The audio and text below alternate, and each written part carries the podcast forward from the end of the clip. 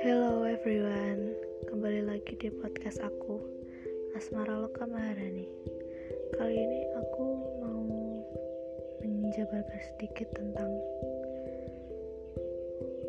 Ciptaan Tuhan yang saat ini sedang mengisi relung hatiku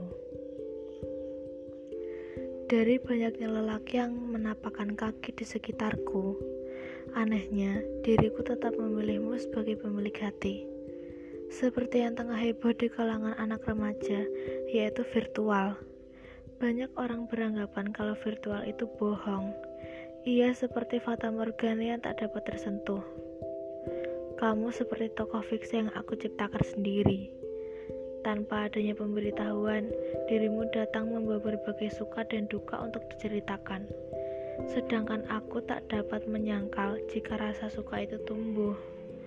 Dan sekarang kamu menjelma bagaikan magnet yang terus menarikku agar kita selalu dekat. Aku lemah jika mendengar tawamu. Aku terbuai dengan kalimat indahmu. Bagaimana jika aku katakan kalau aku menginginkanmu untuk selamanya? Dalam benakku, aku ingin kamu menyanggupinya Aku rasa diriku telah terkena sihirmu, hingga otakku tak dapat berhenti memikirkanmu. Aku menyukaimu dari segala sisi, biar ku jabarkan sedikit. Aku suka cara menyiptakan topik supaya senyumku merekah. Aku suka dengan kesederhanaanmu. Aku suka ketika dirimu menceritakan rangkaian masalah yang ada dalam hidupmu dan aku suka caramu menenangkanku saat hati ini merasa gundah. Aku tahu kita terpisahkan oleh jarak. Entah sampai kapan hubungan ini berlangsung, tapi aku mengharapkan keabadian yang nyata. Andaikan kamu tahu bahwa gadismu ini sangat mencintaimu.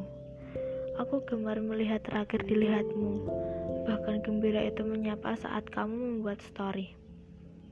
Sebenarnya sulit untuk menjabarkan tentangmu, Bagiku, kamu adalah sebuah keluar biasaan yang dikemas dengan kesederhanaan untuk melunturkan monokrom dalam hidupku.